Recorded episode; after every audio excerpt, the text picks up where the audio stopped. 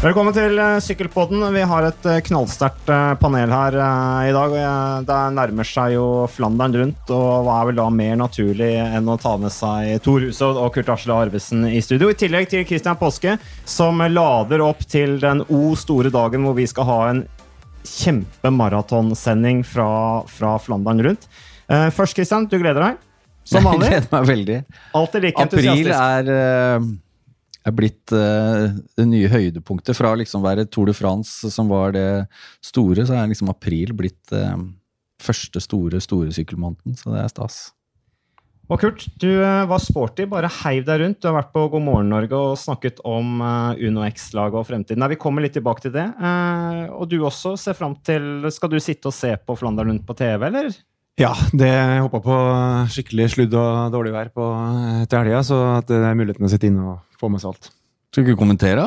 Nei. Å? Fri. Fri. Endelig en fri søndag. For det blir mye jobb på deg. Vi kommer tilbake til det. Og Tor Hushovd, eh, du, eh, du ryktes skal til Belgia, faktisk. Ja, jeg skal ned til uh, Belgia og til Flandern og være på plass og til stede da, sammen med TV 2 og teamet der. Så det gleder jeg meg veldig til. Er ikke det deilig? Ja, Kjempedeilig. Vi må jobbe litt, vet du, Mats. Hvordan er det å være ekspert, forresten? Du var jo litt sånn drittlei ekspertene som sykkelprofiperioder, sånn som alle utøvere er. Og nå sitter du der sjøl. Hvordan er det? Nei, det, Jeg sa jo det når jeg var aktiv. Er det én ting jeg ikke skal gjøre, så er det jo på en måte eh, Når du sitter i, sant, når du er på starten, da, så sitter du inne i lagbussen og du ser ut på de der uh, ulvene eller de der Paparazziene. de taperne i anførselstegn på utsida der, liksom. Det skal jeg i hvert fall aldri gjøre, og nå er jeg en av de, da. Ja, du er jo ung, du trenger pengene. Ja, jeg trenger... Eller familiefar, ikke sant. Du har jo en familie du skal forsørge, så sånn er det. Ja. Nei, men det er litt sånn at uh, en får uh, Ja, når jeg la opp i 2014, så var jeg veldig vekk fra idretten. Sånn, jeg var, jeg var ikke på De to første årene så var jeg ikke på et eneste sykkelritt, bortsett fra Arctic Race. Uh, og Så får du litt på avstand, og så finner en ut at en må jo uh, uh, Jeg har arbeidskapasitet og jeg har lyst til å gjøre ting i livet, og det var det som trigga meg, egentlig. Så jeg syns det er gøy. Og så er det på en måte flott å få muligheten til å snakke om det en kan. for sykkel kan jeg en del om.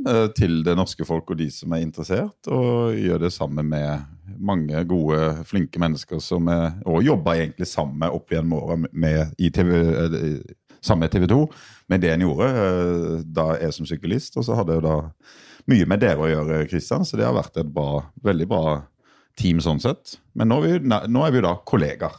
Det er ikke litt ok å kunne liksom være med og, og, forme det, hvis man mente liksom at uh, vi var helt på jordet den gangen du var aktiv? At nå kan du være med og på en måte hjelpe oss også, da, og, og finne vinklinger som, som er ja, mer sykkelfaglig interessante, f.eks.?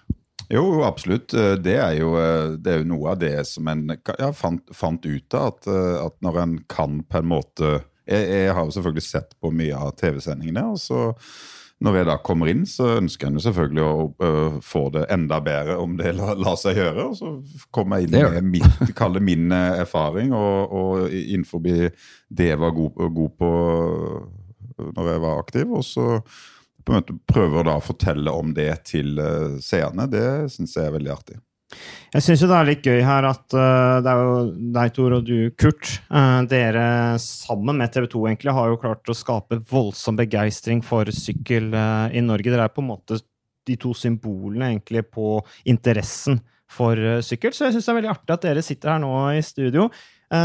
ingen av dere er blitt spesielt grå heller, siden dere slutta å sykle? Nei, akkurat klipp med Mats, så det, det har nok blitt litt grått. Der ligger jeg langt foran. Men eh, en ære å bli, bli, nevnt sammen med Tor. Eh, Tor har tatt eh, eh, ti etappeseiere i Tour de France. Det var, sånn klokke, det var ett år du ikke vant, og så vant du to år i 2006. Mm. Det var jo det var, en, det var, en, god start, og så hadde TV 2 sin sykkelsatsing. Så det var, det var rimelig klaff. Ja, det var flaks der. ja, og så hadde du jo din altså Thor var på en måte litt kaptein. Du hadde din rolle. Du vant jo, du også, men du hadde din hjelperytterrolle i et lag som kjempet om seieren. Så det var jo egentlig en fantastisk miks, uh, dere to, uh, som, uh, som, har virkelig bidratt. Og det er jo litt morsomt å se på reisen til norsk sykkel nå. I går var jo en merkedag. Eh, vi følte jo at det ville komme, men da ble det annonsert, Kurt, at UnoX Uno blir et pro-kontinentallag, altså et lag da på nest øverste divisjon i profesjonell eh, sykkelsport. Og eh, hvordan har den eh, veien fram til den beslutningen vært?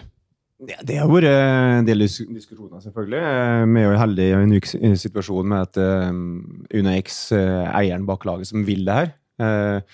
Og de var jo kjempeivrige i fjor og ville gjøre det allerede i år. Da fikk vi dratt på håndbekken og, og, og stoppa det litt. Eh, for det er, det er et stort system å ha, drive et sykkellag. Eh, Det er ikke sånn at vi spiller på hjemmebane annenhver helg, og vi opererer i hele Europa og verden. og det, det er mange ting som skal på plass, og nå begynner vi å få det på plass. Så er vi nå ja, åtte måneder før eh, neste år. Eh, Det blir ikke store endringer eh, til 2020, men vi bygger det sakte stein på stein opp, og så tar vi det derfra. Så, altså, nivå to det er jo ganske bredt. Det altså det laveste nivået og det øverste nivået. som Vi er jo pro-kontinentallag som er som er med i Tour de France hvert år, stort sett. Vi vil nok ikke være der i starten, men med Jens Haugland på laget så vet vi ikke hvor vi vil havne.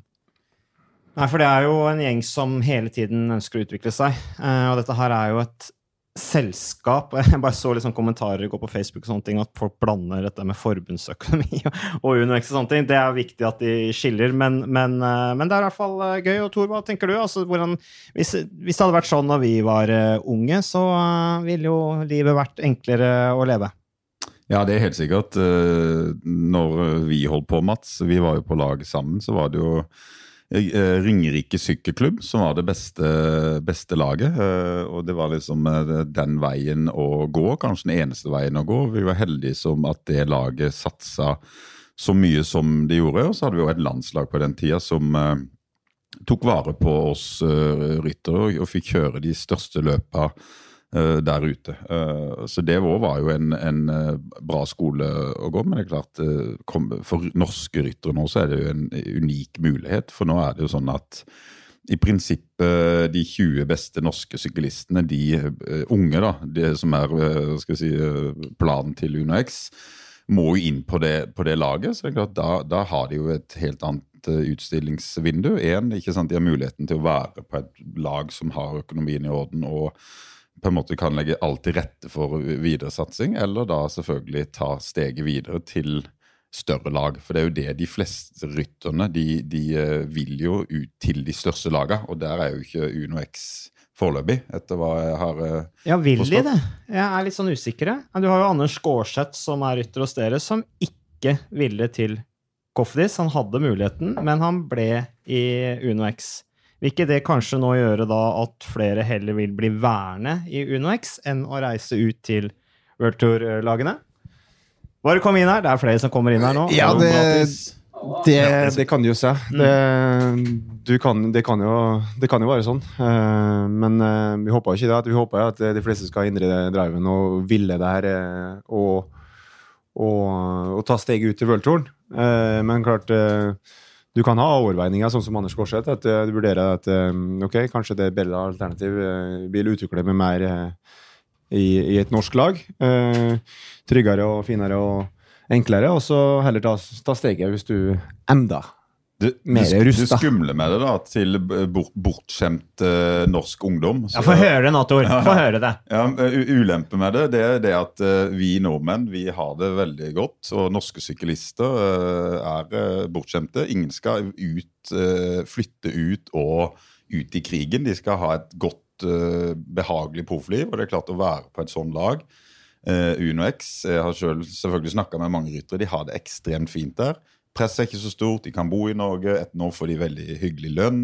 Så de kommer til å ha det så fint at jeg tror veldig mange ryttere bare har lyst til å være der. For det er ikke så veldig mange som har den derre vanvittige Eller i hvert fall ikke alle har den derre 'jeg skal nå øh, lengst mulig'. Så Kurt, dere må rett og slett sparke gutta ut av hjemmet der etter hvert, da.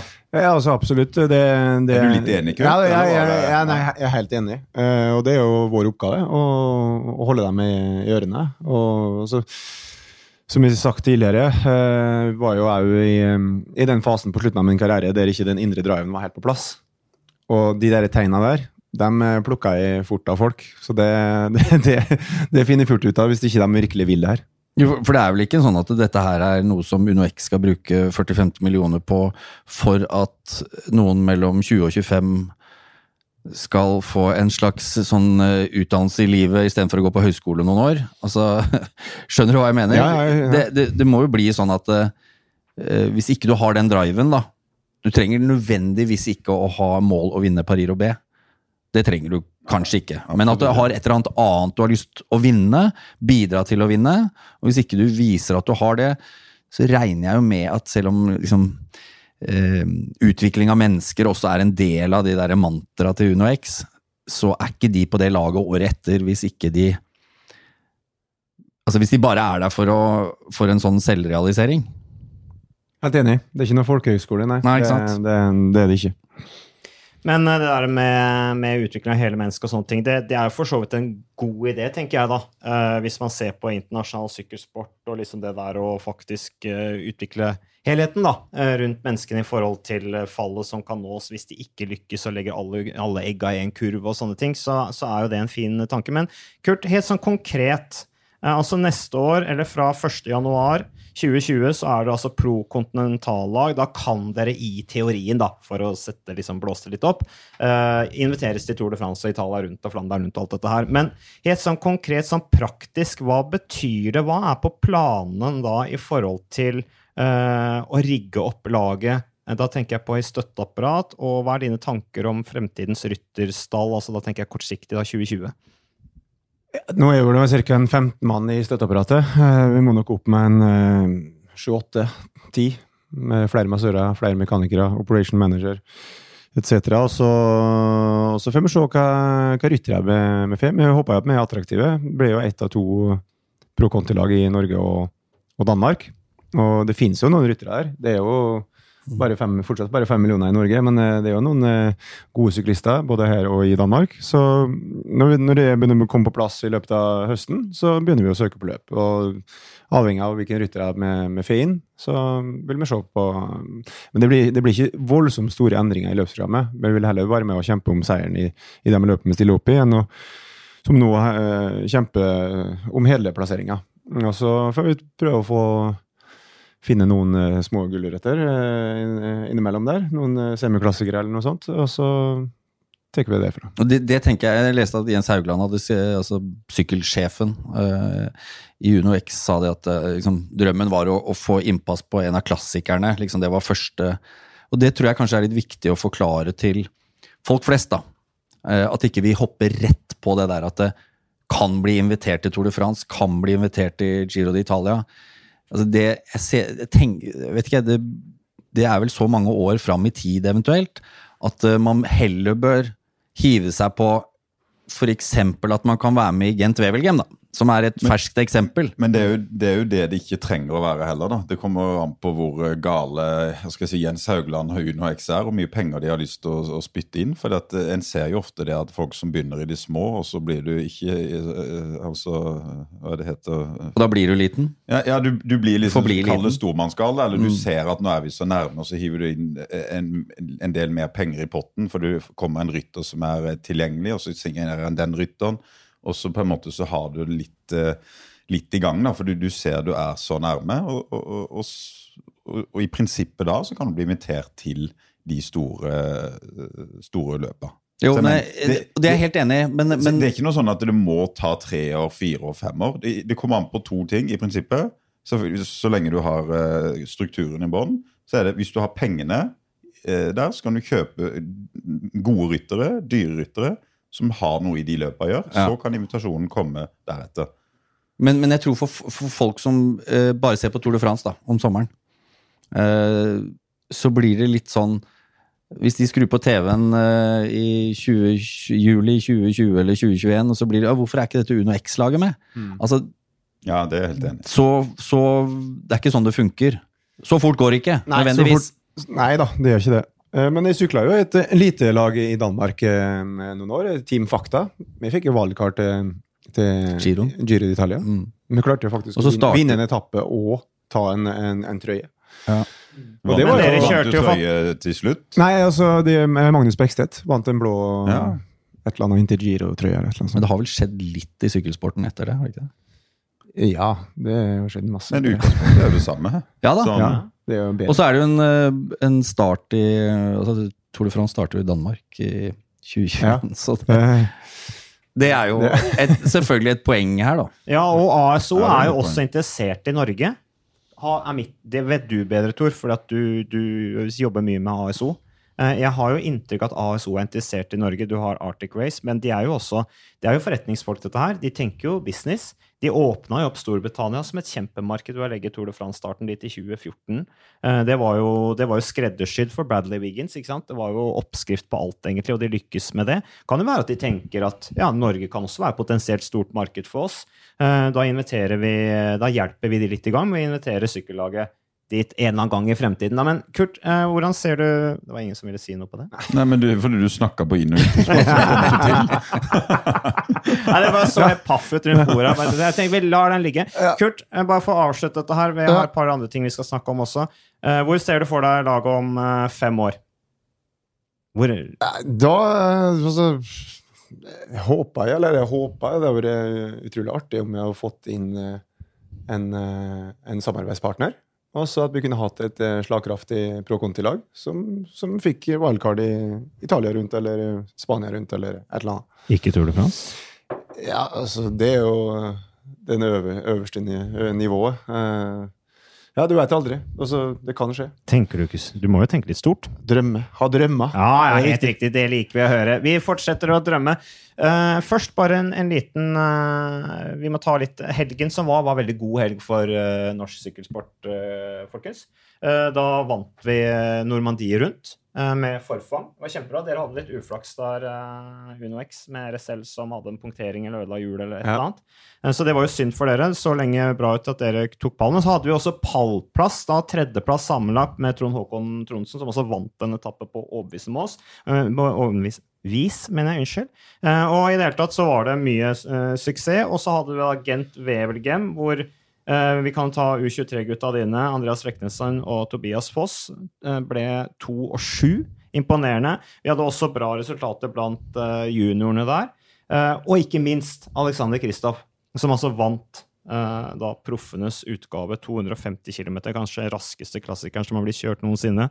46 km i timen i snitt eller noe sånt. Helt vilt. Ja, det var helt sprøtt. Så hvor, eh, hva tenker dere da på Flandern rundt eh, til eh, helgen, med tanke på det som har vært nå i helgen, da med å ta Eller vi kan ta først dette med de andre norske resultatene. No- eh, Normandie rundt, eh, det har du vunnet òg, Tor. Bra. Ja, ja. Tor har vunnet alle de løpene vi prater om. Gent Velogame og Normandie. Jeg har ikke vunnet Normandie siden, siden du gjorde det. Tror jeg. Nei, det, det- Det tror jeg er riktig. Ja, det er bra. Så det var på tide. Ja, det var på tide. Nå som de har det så godt, og busser og greier. Og. Ja, ja. Nei, det er noen år siden det nå, da. Men eh, nei, det er ingen tvil om at uh, norsk sykkelsport eh, blomstrer. eh, og, og i form av rekruttering. Det er mange spennende unge ryttere, og de kommer jo litt sånn eh, på løpende bånd i, i fleng, så det er klart eh, det er, det er gøy å, å følge med på. Det trenger litt, det trenger litt sport noen. Som her si, hjemme så leser jeg nå dessverre om de såra etter sykkel-VM i Bergen i, i 2017. og Da er det godt å se at, eh, at det skjer i hvert fall mye på det sportslige plan, som er eh, positivt. Og selvfølgelig når Alexander Kristoff eh, går bort og vinner men, altså proffenes ritt, så bare viser det igjen at norsk sykkelsport står veldig sterkt. Det tror jeg er nøkkelen til å på en måte lege noen av de sårene fra, fra Bergen i 2017. Det er sportslige resultat. At de, man viser at det, det har faktisk ikke gått utover det sportslige. Ennå, i hvert fall. Um, hvis man kan snu den, det inntrykket, det skriveri, de skriveriene altså, Nå hadde vi da liksom både på søndag kveld og, og mandag med nettsteder og papiraviser og alt mulig som skrev om, om disse gode resultatene. Ikke bare om Kristoff. Eh, ikke sant? Odd Christian Eiking på en 15.-plass i Catalonia, et forferdelig klatreritt med et vanvittig felt. Eh, når man liksom nevner det også som en god prestasjon, så har man kommet faktisk seg litt opp på hesten igjen, da, og ikke bare surre rundt i økonomisk rot.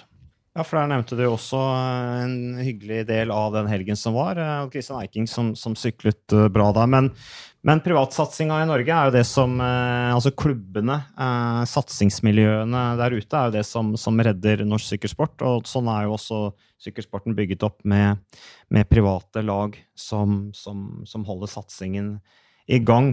Men eh, bare for å ta disse resultatene til Tobias Foss og Andreas Leknessund. eh, De sykler bra på alle arenaer, de gutta der. For de er jo gode på tempo og gode klatrere også.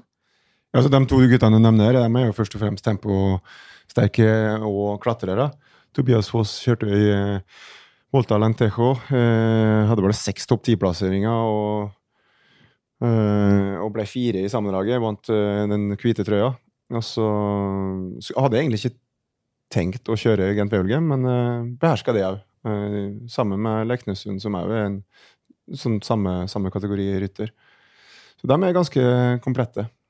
Det som er fint med den satsinga vi har nå, med den kontinentallaget i Norge, er at de kan vare på de lagene helt til de blir ordentlig klar til å dra ut i, i worldtouren. Uh, det er jo med tanken på det, med det, med det prosjektet vårt uh, med at vi går pro conti, at vi, de, vi kan holde på de norske lagene, eller norske guttene litt lengre, sånn at de blir ordentlig klar før de går ut. Vi har jo sett eksempel på gutter som og Jeg var jo selv et eksempel på det når jeg ble sendt til Italia.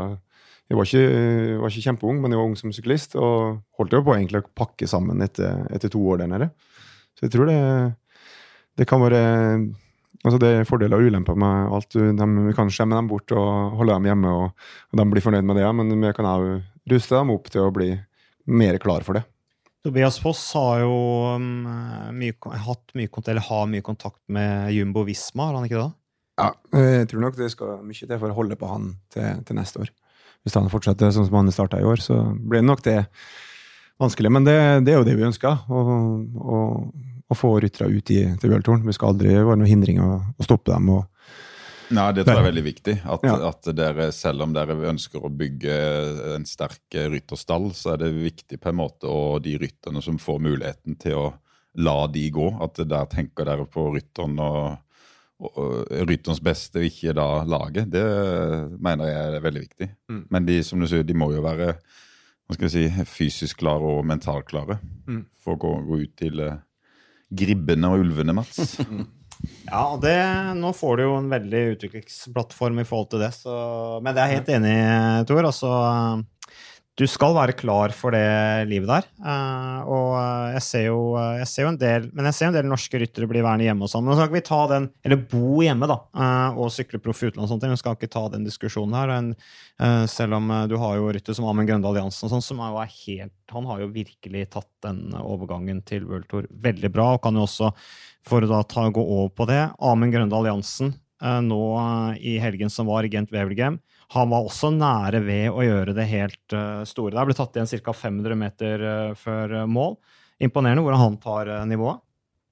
Ja, absolutt. Han har eh, vist at han har noe i, i, si, i øverste ligaen å gjøre. Og han, han er en eh, lojal hjelperytter. Og, og eh, er liksom da Grønevegens uh, høyre hånd litt, og, og styrer han rundt og på en måte fått, uh, fått det ansvaret. Og så ser jeg nå at han uh, leverer varene i harde løp som Gent Wevelgum, og det var jo et veldig hardt løp på søndag. Jeg tror det var derfor Alexander Kristoff vant, fordi at alle var så kokt. Og da er Alexander Kristoff kanskje den rytteren som er best trent eh, med den jobben han har lagt ned med Steinøren i så mange år. Og da er det han som klarer å skvise ut det, det siste i spurten. Men eh, kan det gjenta seg nå, til søndagens uh, Flandern rundt? Vinner Edvard Baas Nei, men Alexander Kristoff uh, Vi kan godt snakke om Edvard Baasen Hagen nå, men først Alexander Kristoff. Er er han en av favorittene til Flandern rundt? Ja, det vil jeg absolutt se. Han, eh, vi var litt eh, tvilende til Kristoff, hvor han var egentlig, etter det han har levert eh, inntil nå, i helga. Men uh, som Thor sa, altså når han klarer altså han, er, han er verdens beste spurter i, i knallharde ritt, og på nå til helga i Flandern så, så blir det enda tøffere. Så jeg tror absolutt han vil være i toppen. Jeg kan ikke se noen andre som er noe mer favoritt enn han. Enig, Tor?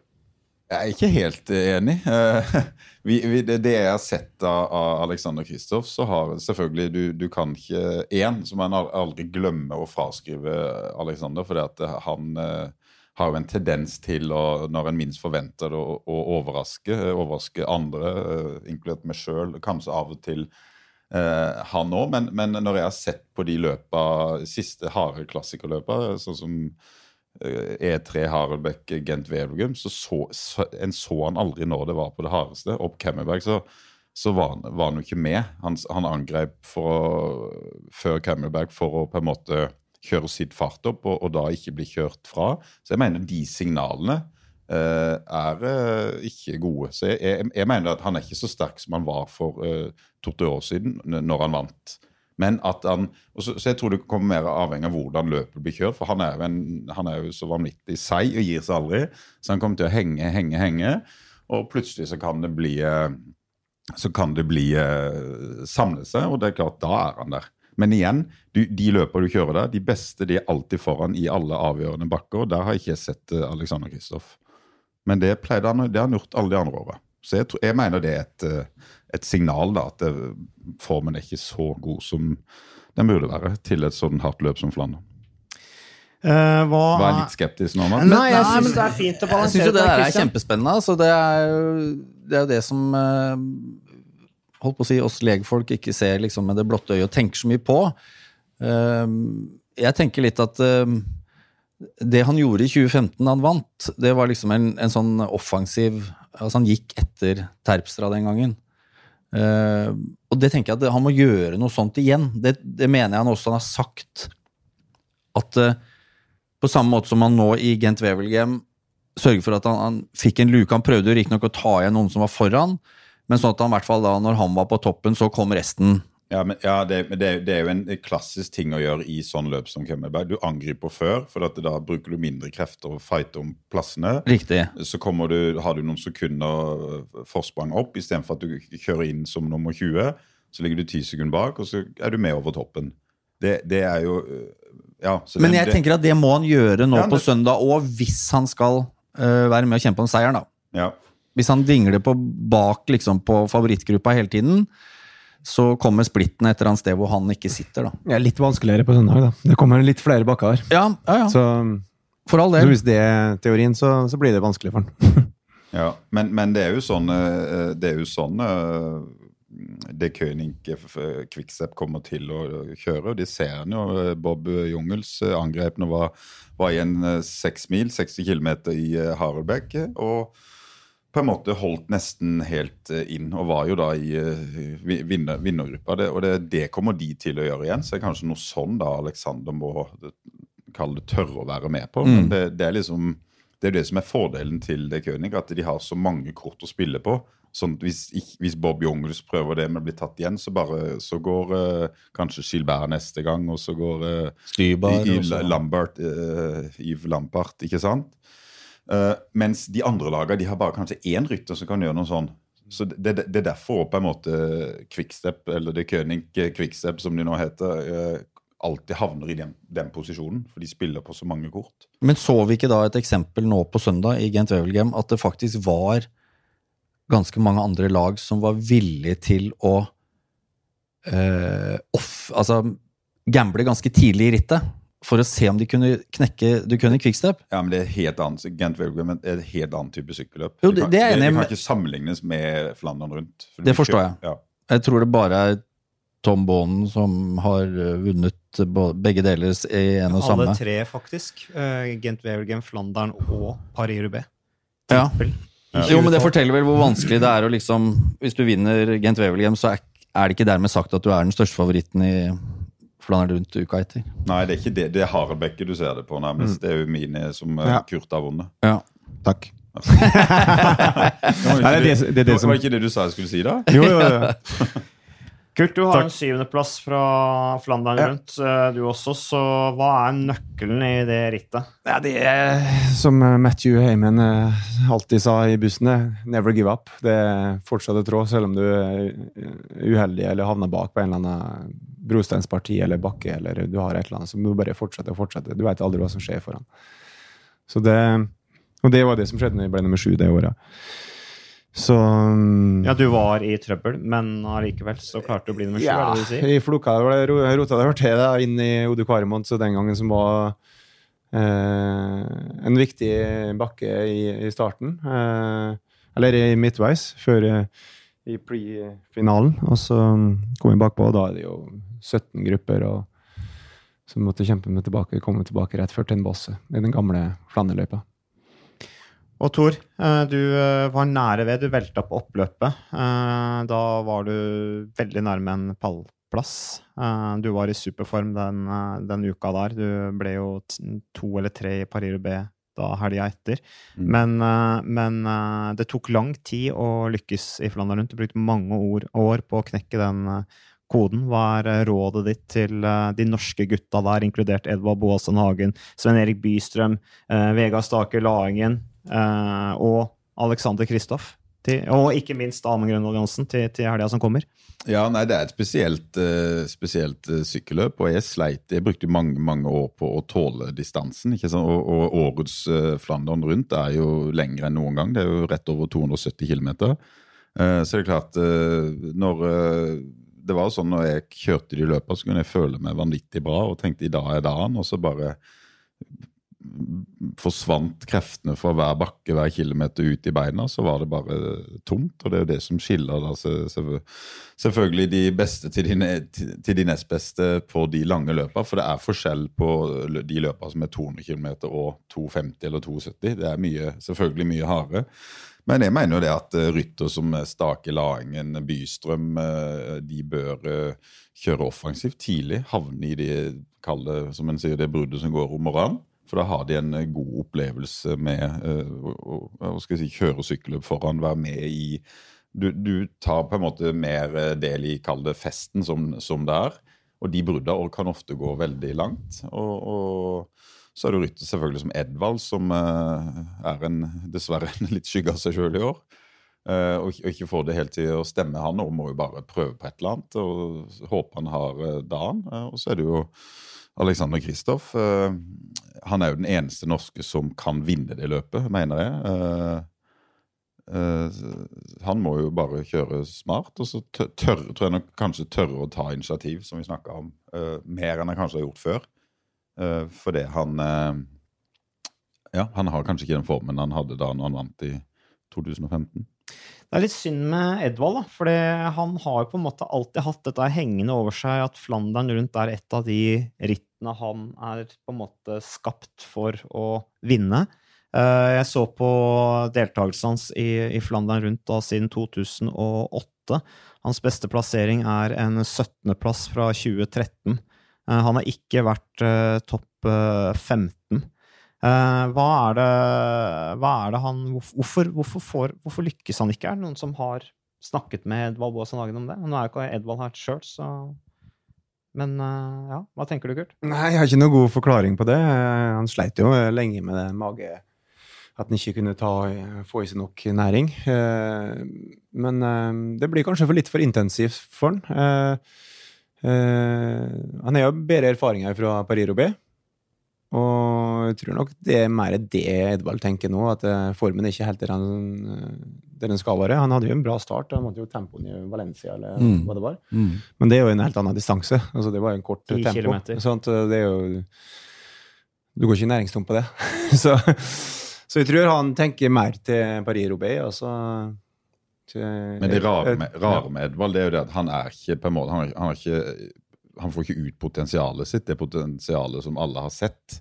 Og Det er jo det på en måte en håp, håper så på. Eh, og, og hvorfor det? Det er jo det store spørsmålet. Så kan du snakke om eh, Flandern rundt eller eh, Paris-Roubais. Det, det er liksom så, men, men eh, liksom kall det som en har sagt før, gode gamle Edvald. Hvor er han hen? Mm. Ja, den som visste det. Laget Han gjør så godt han kan, det er jo liksom slageren, da. Ja. Ja. Laget hans er jo også ikke bra nå, eh, dessverre. Det er trist å se. Eh, Dimension Data, som har rusta opp ganske kraftig før årets sesong, de, det går jo ikke veldig bra. Hvis du ser på Eh, Valgren, da, som i fjor han han blomstra. Han var sterk i alle sykkelløp. Han er jo nå en, igjen han er en skygge av seg sjøl. Og På er- Dimension Data. Ja, og det, det, her var det jo, så vidt jeg har skjønt, da, en del sånne uheldige altså De fikk vel matforgiftning omtrent hele gjengen i, i Algarve, var det det? Ja. Eh, for Mikael Valgren mente at han liksom var Hvis ikke han er overtrent, da. Men eh, han ble også sjuk. Eh, og det har de jo dratt med seg og, og gjort at de har kommet liksom ordentlig skeivt ut av startblokkene, da. Så, men det Ja, så er det en lei, veldig lei tid, tidspunkt å, å få en sånn sykdom på rett før si, hovedsesongen starter. Var det ikke i midten av februar de fikk den? og da Jo. Blir du satt ut en uke da. Jeg husker det ikke gjort, er det vanskelig å hente det inn igjen. Ja, det er det. Altså, det er det etappeløpet før eh, du skal kjøre Paris-Nice eller Tirreno Adriatico, der, eh, der du legger grunnlaget for de klassikerne. Og så kommer du skjevt inn der, så er det, det er det tøft. Mm. Så drar det med seg. Og Ja. Edvald starta jo da Paris-Nice, burde kanskje ikke gjort det. Mm. Eh, brøt. Droppa Milano San Remo. Altså det, så her er de sikkert litt i villrede, så vi får se hva, hvordan det ender. Men det er bare en ting som jeg har lyst til å eh, Hvis vi ser Alexander Kristoff har jo da eh, kanonresultater. En vanvittig rekke egentlig i Flandern rundt. I tillegg til å ha vunnet det. Og så har han ikke eh, klart å slå gjennom i Paris-Roubais. Mens du, Tor, da var det litt motsatt. Altså du Selv om du var med å kjempe om en eh, tredjeplass den gangen du kjørte rett i gjerdet der sammen med noen andre, eh, så knakk du vel i mye større grad Paris-Roubais-koden, Ja. hvor du var på pallen flere ganger.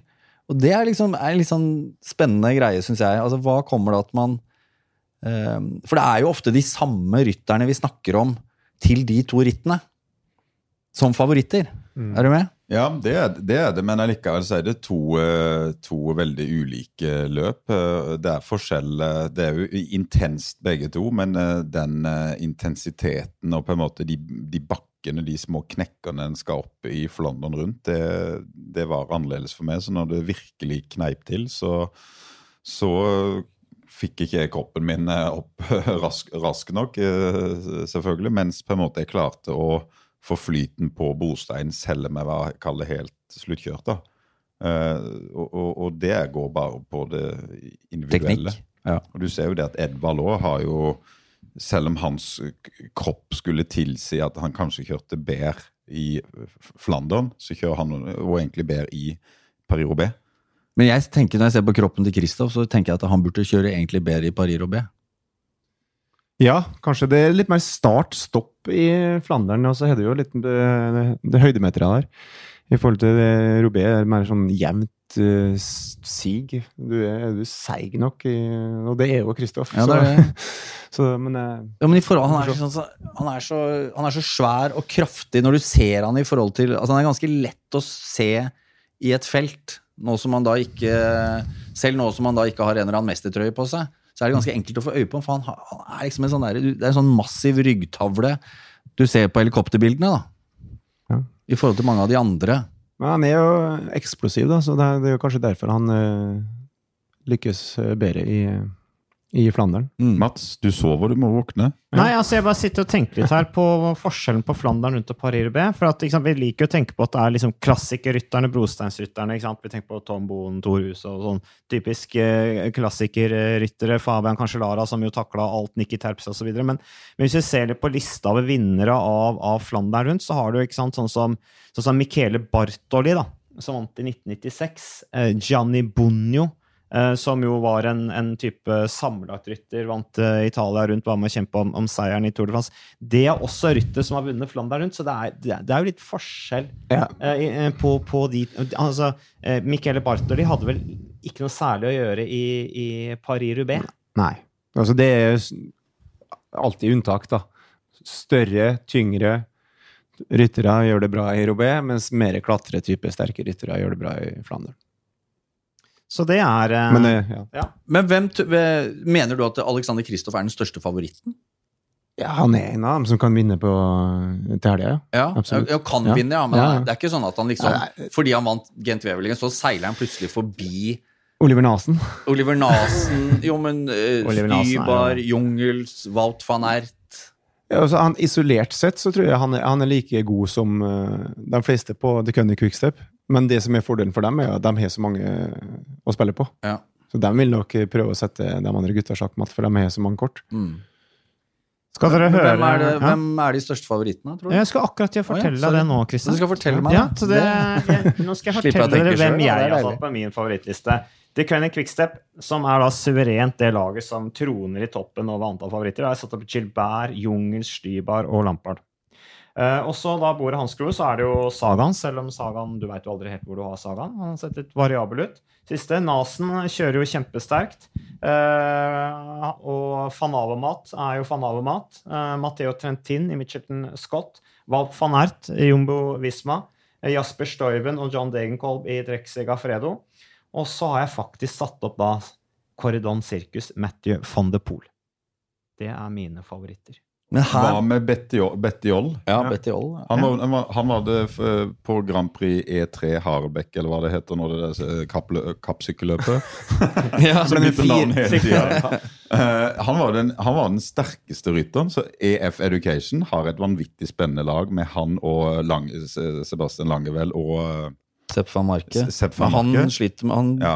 knerta visst kneet sitt ganske Ja, kraftig. Det, ja. Men, men det laget og, og Joll, det var veldig overraskende og litt spennende. Er sånn gøy å se litt nye navn komme inn eh, på favorittlista. Mm. Men, men eh, nå kanskje avbrøt jeg deg, Mats. Nei, du, nei. Du, har, du har ikke med Alexander Kristoff?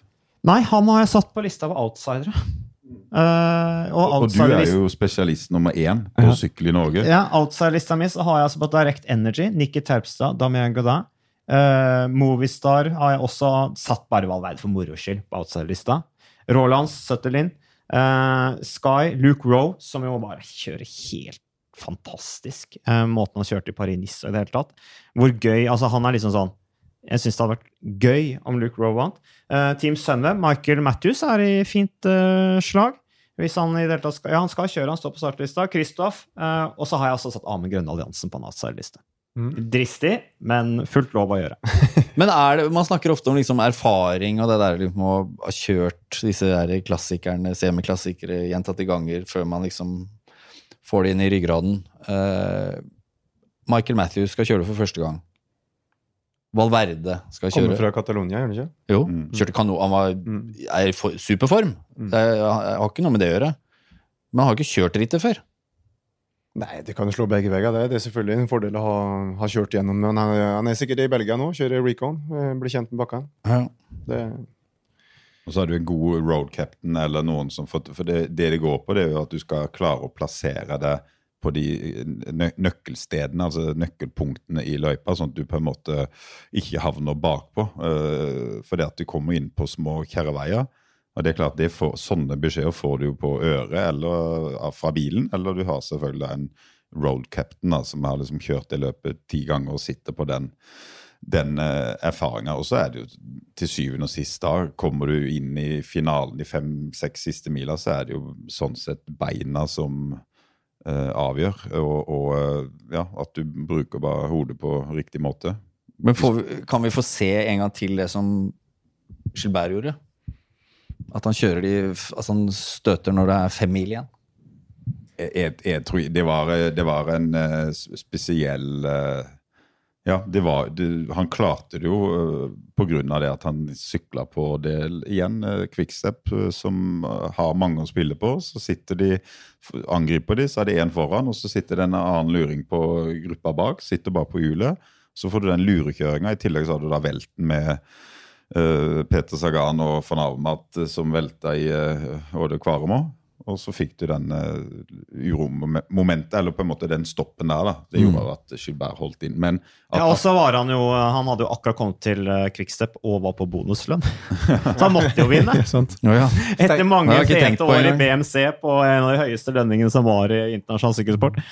Eh, bare sånn en liten, eh, liten men også er det gøy, litt, eh, jeg, jeg bare sjekka før vi satte oss ned, så bare sjekka været. da. Det melder jo litt regn ja, det er sånn midt på dagen. Og det er jo litt det, det Da blir det to forskjellige sykkelløp. Uh, Flandern rundt i det været som har vært i vinter. Det har vært fantastisk vær. Det har vært varmt. eh, Og hvis de nå får uh, at det er våte brostein og det regner, det kommer til å bli, det er to forskjellige Flandern rundt. Mm. Men jeg, jeg litt- er det sånn dere som har drevet på med dette her i mange år eh, Vi nevner altså Wout van Ert og Mathieu van der Poel. Altså to cyclocross-ryttere i utgangspunktet. Eh, som da pleier å ha en konkurranseform som varer en time. Pluss-minus. Og så kommer de inn her og eh, hevder seg over fem og seks, og i beste fall seks og en halv time og nevnes blant favorittene. Det skjønner ikke jeg helt. Ikke heller. Nei, det, de er jo tydelig godt trent, da. Altså det, selv om konkurranseformen er så kort, så, så har de jo sykla i mange år og hatt lange treninger. Så, og så har de jo teknikken eh, bedre enn noen andre. Sparer mye krefter på det i et løp som Flandern. Ikke sant? Mm. Jo, så det er, det er jo forklaringer her, selvfølgelig. Mm. bare Ja, nei, det, de de er kommet inn med, med storm, de. noe så voldsomt. Mm. Nei, så skal det bli veldig spennende å se på de. Eh, Begge har jo kjørt uh, veldig sterkt, eh, og, og det ligger på en måte i kortet at man må, må regne med de, særlig Wout van Ert. men Mathieu van der Poel er jo også en veldig spennende rytter. Så er jo uh, Flandern rundt er jo et, et fantastisk sykkelløp. Jeg husker det første sykkelløpet jeg sykla i Belgia. Det var Flandern rundt. I 2003. Du starta der, ja. Ikke et, ikke et, ikke et kjørte Kermes-ritt engang? Nei? Aldri sykla sykkelløp i Belgia. Første rittet var Flandern rundt i 2003. Nå, nå sto du av? Uh, ja, blitt det 150 km, tenker jeg. det var jo Stuart O'Grady ble jo nummer tre det året. Uh, I 2003. Da var jo du, du var helt utafor. Du skulle jo egentlig kjørt der, du også. Uh, og det var jo bare noe helt eh, Du tok plassen til Tor? vanvittig Ja. Ja, jeg, jeg, sykla ikke, tror jeg. Nei, du sykla ikke. Du var i kjelleren, du, da. Jeg hadde gått på en slankesmell. Så det var en spesiell opplevelse. Men det er altså arrangert siden 1913. Årets utgave er altså den 102. utgaven. og et avbrekk da mellom 1914 og 1919 pga. krig og sånne ting. Og siden har det også vært arrangert hvert år, også under andre verdenskrig, faktisk. Så det er 17 hellinger, da, eller bakker. Odd Barmon skal forseres tre ganger.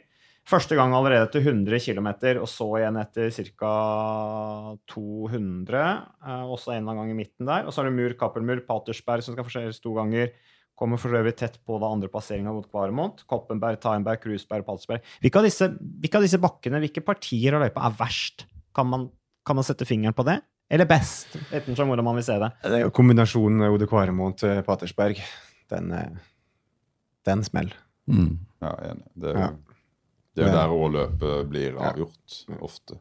Det er iallfall der eh, skillene kommer. Så har en jo sett de siste åra at løpet blir vunnet på altså taktikk, ikke den eh, de, eh, Altså noen som angriper på mellomsteden, ikke sant, og så kommer de inn da i den avgjørende fasen med Kvarmo og Patrosberg med et forsprang, og så holder de helt inn. Og det er ganske mange vinnere på den måten de siste året i forhold til hvordan det var før. Er det noe dere vil legge, på, eh, legge til før vi avslutter denne podkasten? hvis det er noen eh, Kurt? norske sykkelfan og, som liker sykkel og vil få med seg en folkefest, så, så er det bare å pakke kofferten og dra ned til Flandern i helga. Det, det blir fest. Er det noe sted du anbefaler de å stå? Ode Kvaremont er en klassiker. Kvarmont, som altså er en egen øl òg. Oppkalt da etter selvfølgelig Kvarmont.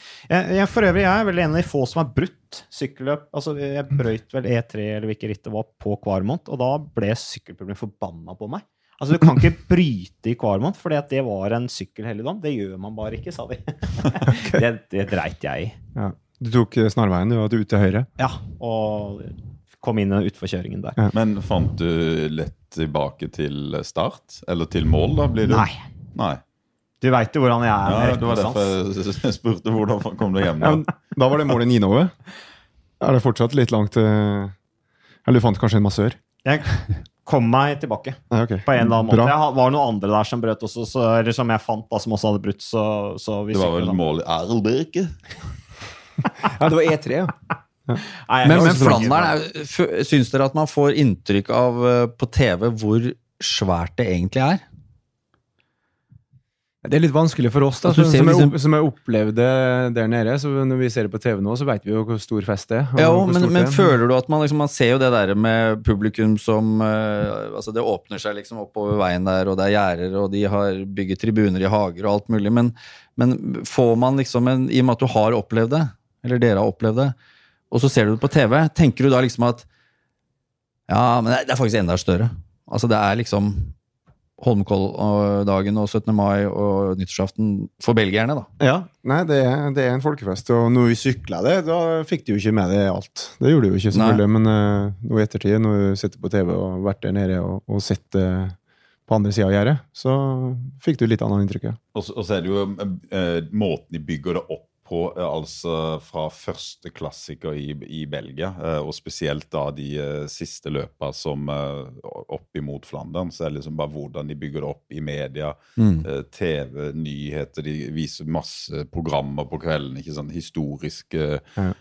Flandern rundt, ikke sånn, så på den måten så, så skjønner en hvor, hvor stort det er, og så er det jo sånn en sykler i de her eh, partiene, så stinker det jo øl. Mm. De står jo der og drikker øl, og det er liksom bare en del av det. Ikke sånn kan sn- snakke om eh, femmila i Holmenkollen, og det er litt eh, bråk oppå oppe i Holmenkollen. Men, Ikke bare litt heller. nei, men, Men jeg er enig, jeg skjønner hvor du vil. li, li, liksom at, at selvfølgelig fest og idrett og sånn, du skal ikke på en måte høre sammen, men der nede så er det en del av, av kulturen.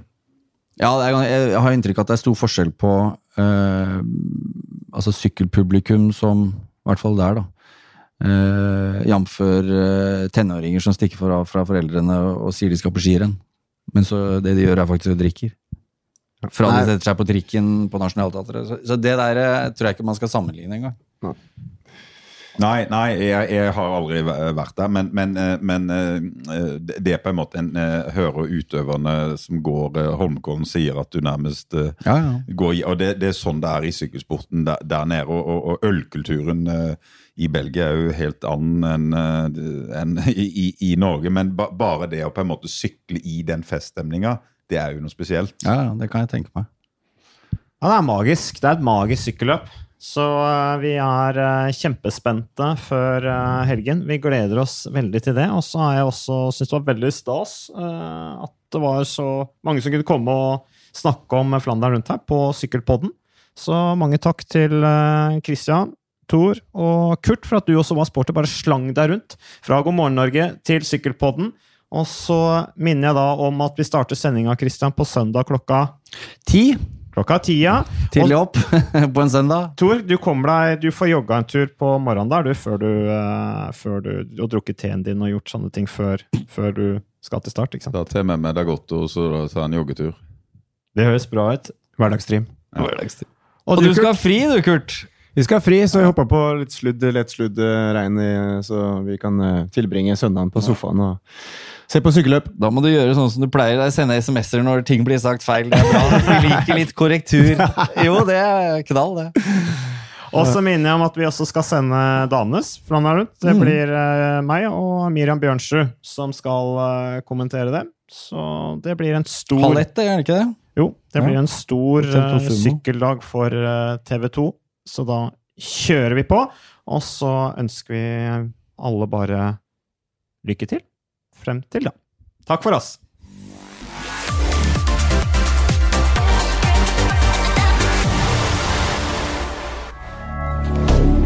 Moderne media.